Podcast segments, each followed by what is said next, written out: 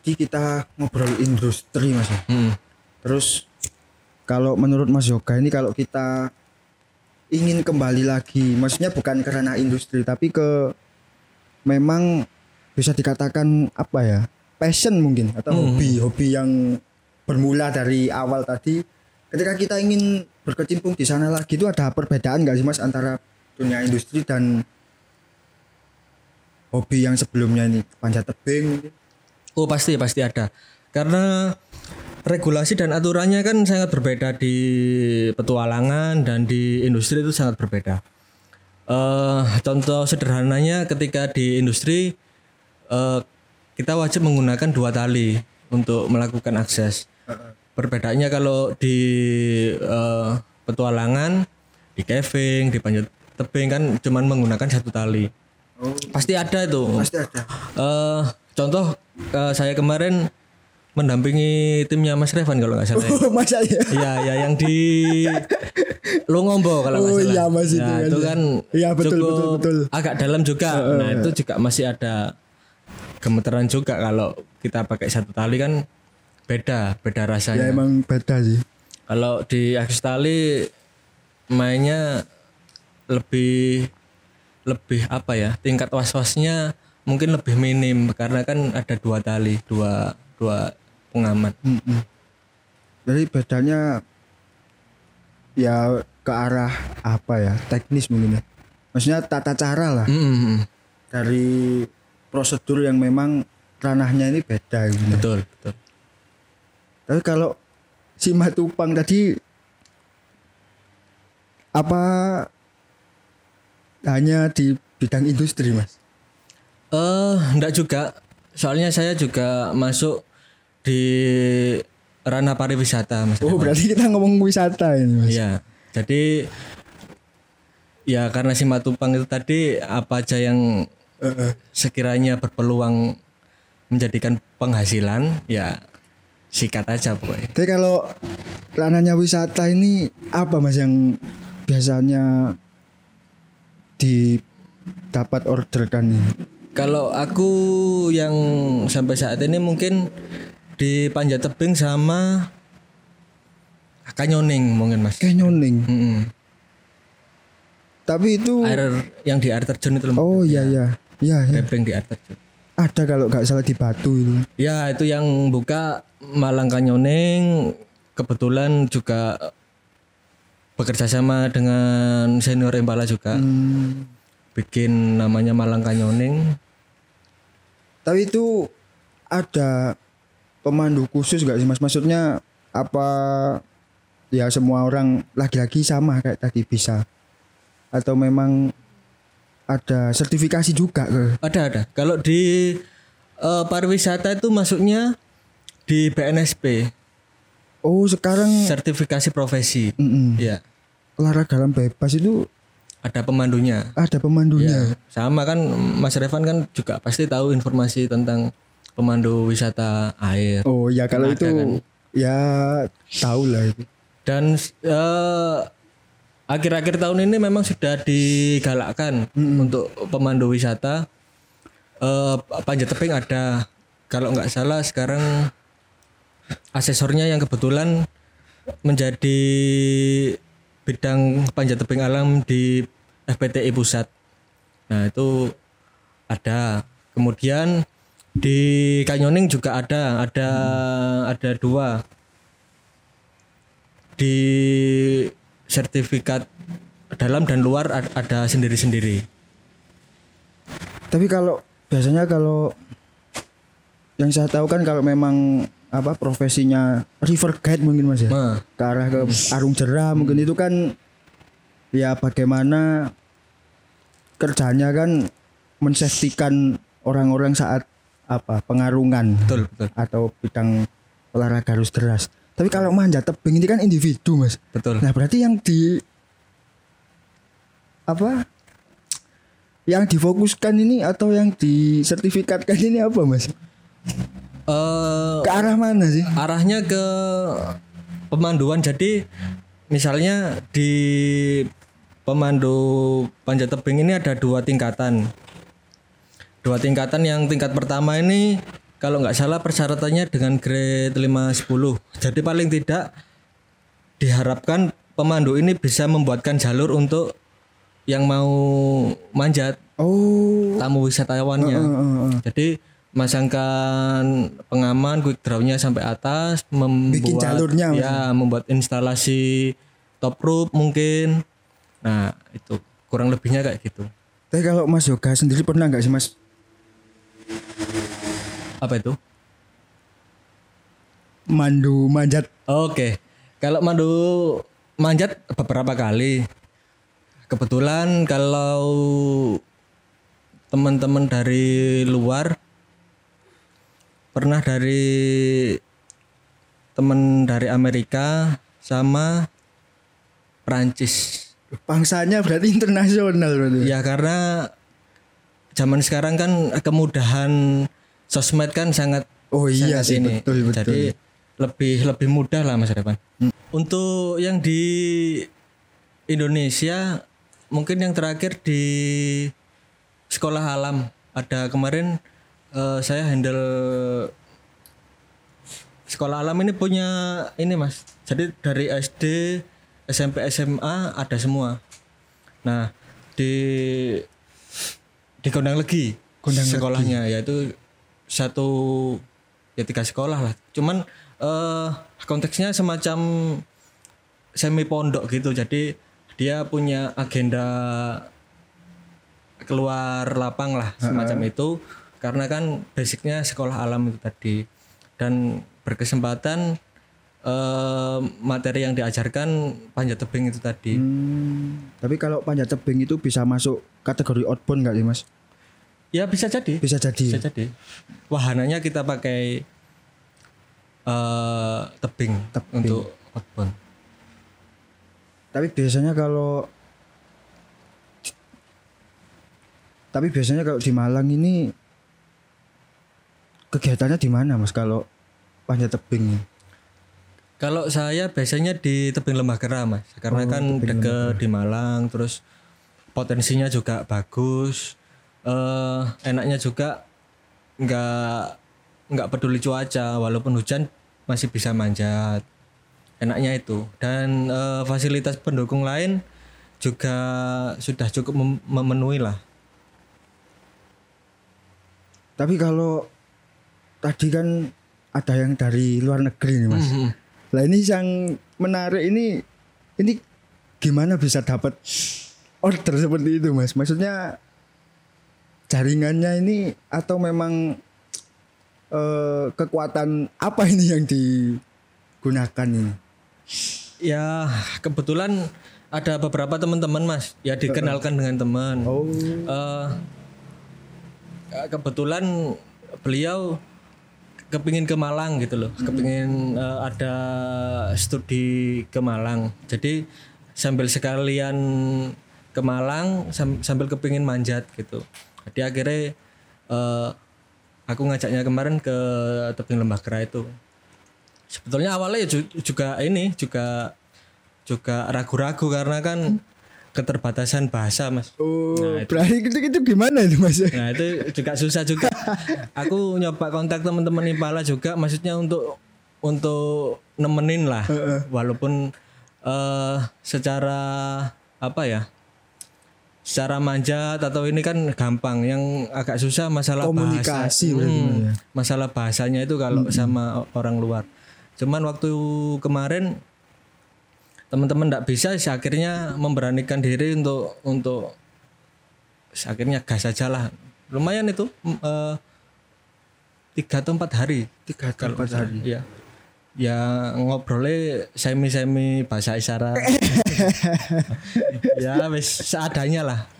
Beruntungnya beruntungnya eh walaupun orang luar tetap bisa ngerti karena bahasa-bahasa panjat tebing yang digunakan kan juga bahasa luar Hmm, bahasa internasional lah ya. Ya, klaim bengkolnya kan juga bahasa internasional. Iya, Jadi ya. nggak begitu ada masalah. Cuman masalahnya ketika sudah sampai bawah di camp mau ngobrol apa itulah itu yang Ya, agak agak canggung ah iya agak Apa? susah itu. Mau ngobrol mau ngobrol apa? Kebetulan cewek lagi lah, kan malah Waduh. Malah susah. Mau ngobrolkan jari juga Iya. gimana ini. Tapi sebisanya. mm-mm. kalau dari bidang bukan. Tapi kalau dari ranah industri dan pariwisata Mas ya. Mm-mm. Terlepas daripada itu profesi yang dijalani Mas Yoga ini ini ke depan ini masih bisa dikatakan menjanjikan gak sih Mas? Soalnya yang pertama kalau menurut saya ini nggak semua orang bisa gitu loh Mas. Betul betul. Gak semua orang bisa dan memang harus memiliki apa ya Kemampuan. kemampuan. Eh, menurut saya bagus karena eh peraturannya kan masih baru. Heeh. Nah, ketika peraturan masih baru ini masih tahap tahap pengembangan lah. Belum belum untuk saat ini masih belum begitu terasa. Mungkin eh, beberapa tahun kemudian eh, beberapa perusahaan-perusahaan itu akan menggalakkan SMK 3. Nah, itu salah satu persyaratan untuk menjadikan profesi di ketinggian ini akan semakin dihargai. Kurang lebih kayak gitu. Ya gitu sih. Tapi kalau ya, tapi saya coba kalau di awal tadi kan Hmm. dengar-dengar ini Mas Yoga ini tergabung di FPT Kota Malang kan tadi Iya, kan sempat dibahas sedikit. Berarti kalau sekarang FPT ini sibuk apa Mas? Eh kebetulan saya ini kedua ini kalau salah. Kedua. Ya. Berarti sekarang Eh, di jabatan yang mana Mas? kalau sekarang kebetulan ketua harian. Ketua harian. Ya, Ketua harian ini berarti di bawah ketua umum. Jadi membantu ketua umum. Ya. oh tugasnya apa ini Mas? tugasnya ya itu tadi membantu ketua umum untuk ketika berhalangan Hmm. atau ada kegiatan lain Tapi sampai mewakilkan. Iya, mewakilkan lah. Tapi sampai ada ranah ke pengelolaan atlet gak sih mas? Tapi kan itu kan kalau gambaran saya kan namanya federasi mas ya. Mm. Kalau mungkin ranah-ranahnya sudah pasti ke arah apa ya pembinaan. Ya pembinaan. Itu kalau di Kota Malang sendiri di FPTI-nya kalau sampai sekarang itu gimana sih mas? Eh, kebetulan ini eh, pengurus ke dua saya kedua periode itu masih baru Mas Revan. Jadi masih berjalan kurang lebih dua atau tiga bulan inilah. Nah ini mau karena pengurusnya baru orang-orangnya juga baru kita mulai menata lagi karena kan dari konsep pemikirannya juga beda yang tahun sebelumnya sama yang tahun sekarang. Oh iya sih. Nah, untuk pengembangan atlet sendiri sebetulnya FPT ini yang di dibina bukan atletnya Mas Revan. Jadi klub-klubnya. Ada beberapa Oh, bu- klub, Bukan atlet, bukan. bukan perseorangan. Bukan, bukan. Jadi eh, ada beberapa klub mendaftarkan menjadi anggota FPTI yang di dalamnya ada beberapa eh, atlet-atlet gitu. Berarti kalau klub-klub yang sekarang ini sudah terbina ini ada berapa mas? Untuk saat ini masih lima klub. Lima klub Iya. itu dari kalangan apa nih mas? Apa mahasiswa atau Ada beberapa OPA, ada beberapa memang ya klub panjat. oh memang komunitas-komunitas yang minat khusus mas? Iya, yang memang menggeluti di panjat tebing. Salah satunya klub IMS. Itu kan juga legend juga di Malang. Terus ada klub Longway. Long way. Eh, klub Longway itu sebagian besar orang-orang dari IPTM. Berarti kalau bahkan kalau gambaran saya mahasiswa pencinta alam pun maksudnya di universitas sendiri mas ya. Berarti sebetulnya juga bisa tergabung loh mas ya. Pastinya, pastinya. Jadi dari eh yang ada di Mapala-Mapala misalnya bisa mendaftarkan keanggotaannya, yang didaftarkan adalah divisinya. Jadi Oh divisinya. ya yang mendaftarkan bukan organisasinya. Jadi divisi membentuk dalam tanda kutip klub Heeh.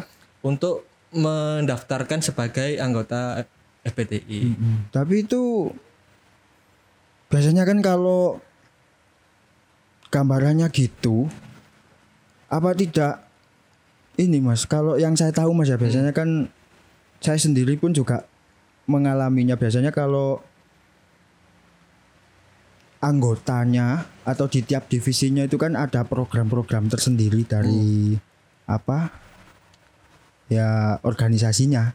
Maksudnya entah itu ke ranah spesialisasinya atau kemampuannya. Nah itu ketika sudah tergabung itu apa yang membina ini langsung dari FPTI atau gimana itu mas? Untuk latihan lah ya. oh latihan. Eh, gampangnya gitu aja. Untuk latihan itu dikembalikan ke masing-masing klub.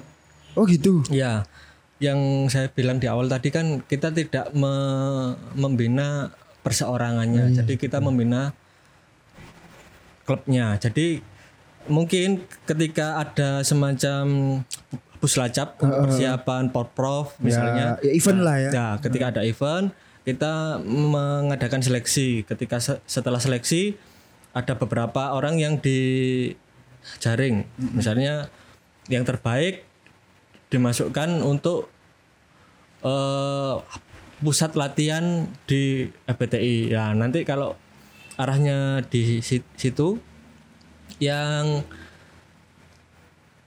yang melatih ini nanti diambil alih kurang lebihnya gitu tapi tidak menutup kemungkinan sebagai tim teknis pemusatan latihan ini tadi yang menjadi tim teknisnya juga eh, beberapa pelatih yang ada di klub-klub ini tadi Oh gitu berarti memang ada eh, kolaborasi iya dari untuk persiapan porprov itu tadi oh gitu. salah satunya Tapi kalau ngomong kompetisi ini mungkin dua tahun yang lalu atau kapan ya? Jadi Indonesia ini pernah kalau di kancah internasional ini bidang panjat tebing ini kayaknya udah bagus deh mas.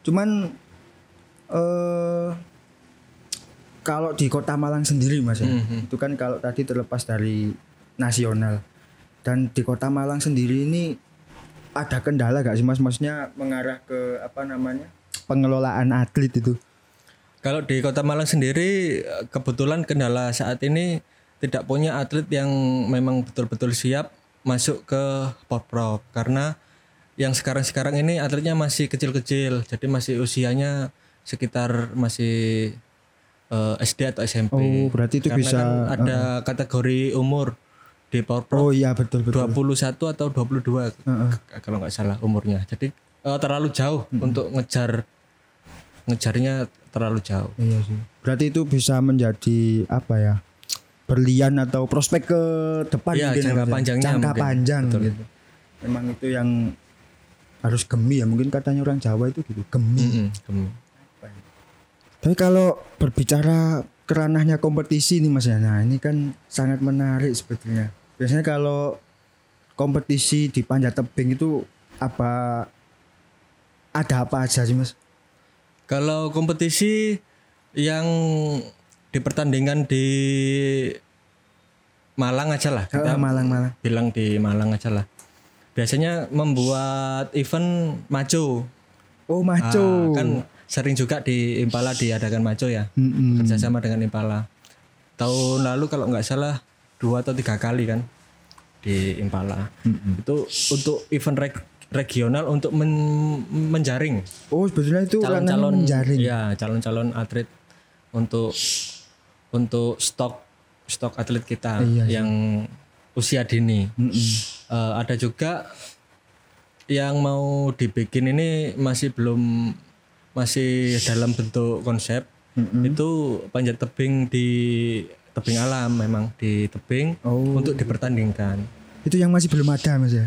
eh sudah ada di luar negeri juga sudah banyak. Di Indonesia mungkin sudah pernah ada, cuman eh, nggak serame yang Animonya di- beda, ya, Mas. nggak serame yang di panjat tebing, eh panjat dinding maksudnya, panjat kompetisi dinding. Oh, berarti sebetulnya beda Mas. ya. Maksudnya manjat di dinding sama di tebing itu beda. Beda beda. Secara aturan semua sudah sangat jelas eh, di dinding itu aturannya A B C D E semua diatur di situ. Cuman ketika masuk ke ra- ranah tebing ini belum ada. Jadi sebetulnya lebih enak enakan seperti itu. Karena kan ketika belum ada aturan, nah kita formulasikan, kita bikin, kita kemas sedemikian rupa agar bisa berjalan dan itu adalah sebuah apa ya? hal yang baru gitu loh Mas Revan. Jadi semoga nanti ke depannya bisa dilaksanakan di tahun 21 untuk 2021. ya untuk melakukan event itu. Tapi gini mas, kalau tadi eh sempat ngobrol mas ya. Berarti kan apa? Sebetulnya bagus loh mas ya. Menurut saya bagus. Maksudnya membina dari klub-klub. Nah mungkin kadang yang menjadi permasalahan ini kan ketika apa namanya eh dari klub-klubnya ini ya entah itu salah tafsir atau mungkin multi tafsir kalau pandangan saya. Nah kalau yang saya tanyakan ini benefitnya ini selain kita bisa apa namanya eh mungkin mendapatkan ilmu yang lain yang ti- tidak kita dapatkan di klub tersebut nih, mas ada benefit lain nggak sih mas dengan kita ini mendaftar di FPTI ini? Hmm. sebenarnya ke arah ke sana sih kan kalau saya lihat ini kan di kota Malang ini kayaknya banyak deh mas tapi kan tadi baru lima mungkin mas ya Iya. Ya mungkin karena masih baru, M- masih dua bulan, dua tiga bulan ini. eh belum juga kita melakukan sosialisasi. oh Itu kan juga perlu. Heeh. Eh, kemungkinan kemungkinan beberapa klub-klub ini masih belum tahu, Mas Revan. oh gitu Belum tahu tentang aturan cara mendaftar. ah ya itu mungkin mas yang Terus apa yang didapat sih ketika kita sudah masuk menjadi anggota. eh, Terus eh yang banyak ini biasanya potensi di teman-teman SMA Sispala itu. nah, kendalanya biasanya kalau di teman-teman SMA itu sungkan-sungkan. sungkan sungkan ini apa Eh, malu-malu gitu loh. Malu untuk daftar, malu untuk nanya. Sedangkan eh saya kira cukup bermanfaat juga kalau kalau bisa bergabung. ya itulah ya mungkin buat teman-teman ya ini khususnya yang sebenarnya khusus ya mas ya kalau kita ngomong pembinaan kan tadi masuknya di kategori kan sebetulnya jadi jangan sungkan-sungkan itu aja Iya. Dan juga ada masa aktifnya juga, Mas. oh ada masa aktifnya Jadi tiap tahun juga harus ada istilahnya mendaftar ulang. oh kayak kuliah gitu Nah, gitu. betul. Jadi eh, jangka jangka waktu sebagai anggota itu Mm-mm. adalah satu tahun. Ketika sudah melewati mendaftarkan ulang. berarti gini mas kalau misal saya daftar Mm-mm. Nah terus harus registrasi ulang. Berarti kalau saya gak registrasi berarti udah. tidak dianggap sebagai anggota. Oh gitu. Jadi masa aktifnya cuma satu tahun. Karena biasanya di satu tahun kan eh, ini mas ada pergantian pengurus. Oh iya betul sih. ada pergantian atlet juga misalnya ada penambahan nah gitu di didaftarkan ulang fungsinya itu tadi biar biar tahu up up to date nya lah Up to date. Tadi kalau dari obrolan kita kan tadi sebenarnya banyak mas Mm. yang saya dapat ini wisata terus industri terus apalagi tadi Hmm. bahkan di organisasi yang lain ya maksudnya informasi dari federasi dan yang lain-lain nah kalau kita melihat di kondisi yang sekarang ini mas nah pandemi covid ini ada pengaruh nggak sih mas ke ranah ketiga-tiganya tadi di industri mungkin. Kalau di wisata saya kira pasti deh mas. Pasti pasti berpengaruh. Kalau di industri kan saya kira eh, contoh kalau di wisata Arung Jeram itu karena memang saya sempat apa mengikuti webinarnya Mas. Jadi memang harus ada ekonomi yang berjalan. Nih. Nah, itu kalau di bidang rope access sendiri ada pengaruh nggak sih Mas di pandemi sangat sangat berpengaruh. Karena eh, kebanyakan juga eh, proses pekerjaan di dihentikan atau mungkin dipending. Jadi eh, pekerjaannya dipending atau screeningnya proses proses perekrutan eh, pekerja itu sangat-sangat diperhatikan. Jadi harus ada tes eh, MCU, terus tes eh, rapid atau bahkan swab untuk sebelum melakukan pekerjaan. Biasanya itu. Dan agak menurun apalagi eh, teman-teman yang sering bekerja di luar negeri juga sekarang susah untuk susah untuk eh, keluar karena itu tadi Iya kayaknya ini. berarti semua ranah deh kayaknya Mm, semua gitu sih. Tapi yang terakhir ini mas, Ya. ini yang terakhir karena Mas Yoga ini ya mungkin beranjak dari apa ya sebelum Impala mungkin sudah sudah pernah menggeluti bidang ini nggak sih mas? bidang apa itu mas Bidang mungkin panjat tebing atau tali temali lah. kalau sebelum di Impala sedikit, Sedikit. karena kan masuk di Sispala dulu awalnya eh ya sedikit awal mula kepingin atau suka di panjat tebing ya di SMA dulu Kalau di Impala sendiri boleh sharing pengalamannya nggak mas? yang berkesan lah ya Nah, iya yang berkesan aja yang lah. berkesan itu waktu manjat di tebing Sumbing Tebing Sumbing. ya Tebing Sumbing Gunung itu, Kelut. Oh, Gunung Kelut. yang paling berkesan itu karena kita manjatnya kan di ketinggian. Nah itu cuacanya sangat fluktuatif. Waduh. Jadi eh, percepatan perkiraan cuaca itu sangat susah. Ya unpredictable Ya. gitu. Kadang mendung, gerimis, hujan deras, panas lagi kayak gitu. Kalau di ketinggian gitu. Nah waktu itu hujan deras sekali, petirnya yang sangat hebat. Eh jaraknya mungkin sekitar 200 meter. Ngeri-ngeri sedap gitu. Iya, Jadi akhirnya bergegas untuk turun. Yang di bawah aja ketakutan masuk tenda semua, Iya. apalagi yang di atas yang lagi gantung di tebing kan. Iya betul. Wah serem sekali ya itu mungkin yang salah satu yang paling berkesan. Iya. Tapi dari semua obrolan di pagi hari ini Mas ya. Hmm. Kalau Mas Yoga ini ke depan ini ingin dikenal sebagai apa sih Mas? Gitu. Ya tetap tetap sebagai profesi ini, cuman mungkin ranahnya aja mungkin mas yang diperluas. Berarti goalsnya ini apa Mas yang belum dicapai ini? Kalau di profesi loh.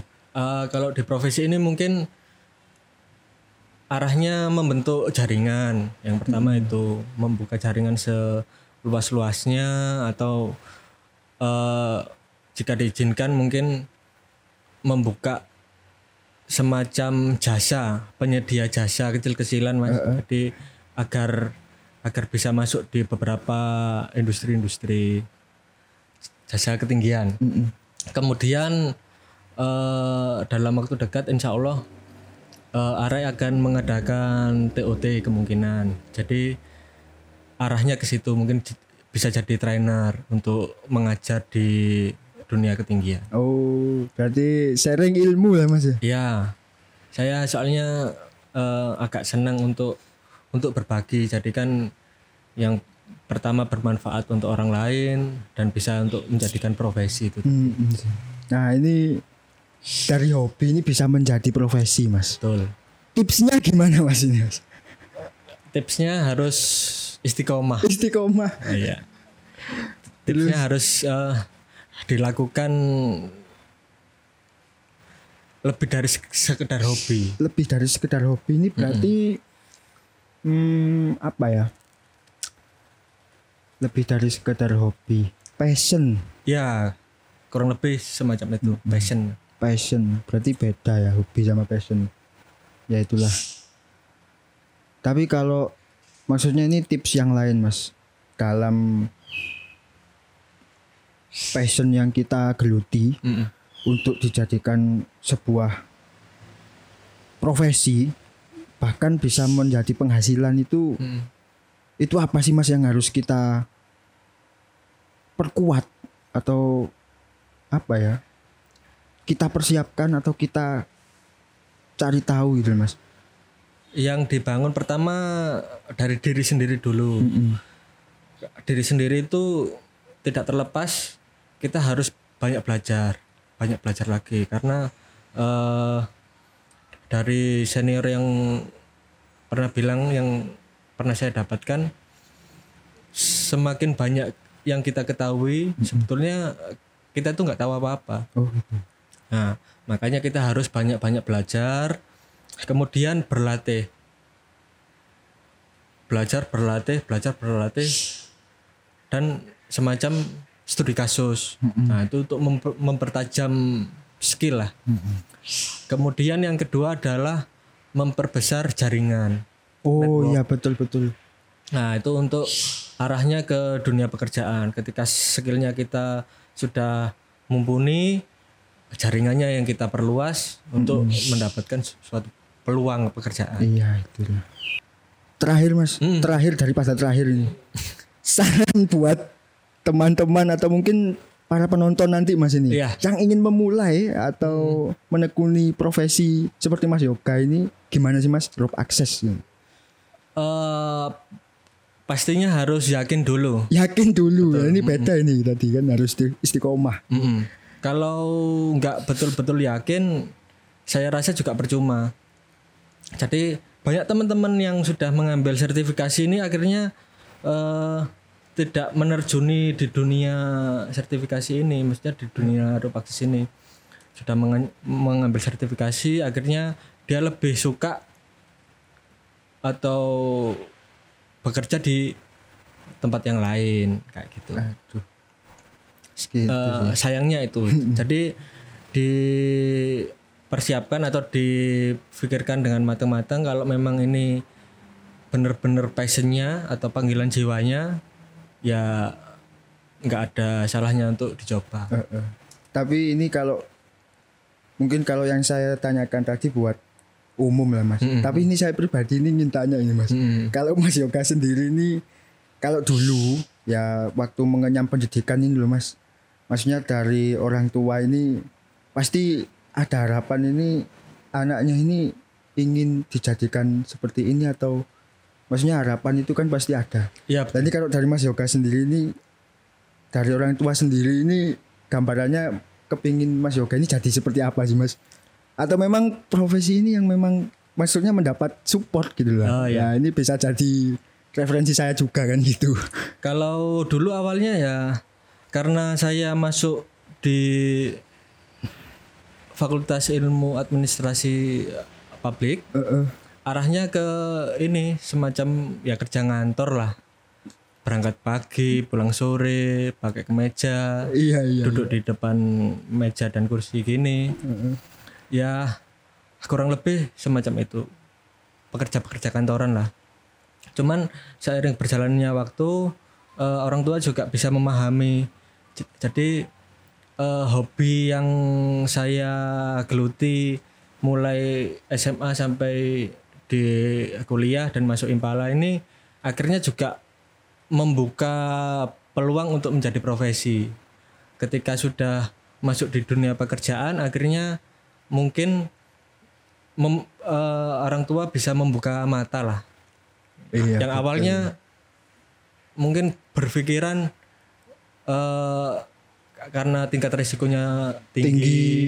terus eh, lahan pekerjaannya tidak menjanjikan Iya mungkin kalau katanya orang Jawa ini biasanya ibu-ibu Malang gitu Mas ya. iya Ah sekon iki dulinan opo sih ngene-ngene iki ngono Iya, Mas. betul betul ya itu ya karena eh karena sempitnya wawasan Iya sih, betul. eh, mungkin belum booming di Indonesia Heeh. Nah, itu tidak profesinya tidak tidak terpetakan dan di era sekarang ini kan apa era milenial kan ya betul bagaimana caranya kan kita ya prinsipnya kan sebetulnya bersaing di dunia kerja atau menciptakan lapangan kerja atau gitu kan. Ya, Kayaknya gitu Mas. betul, betul.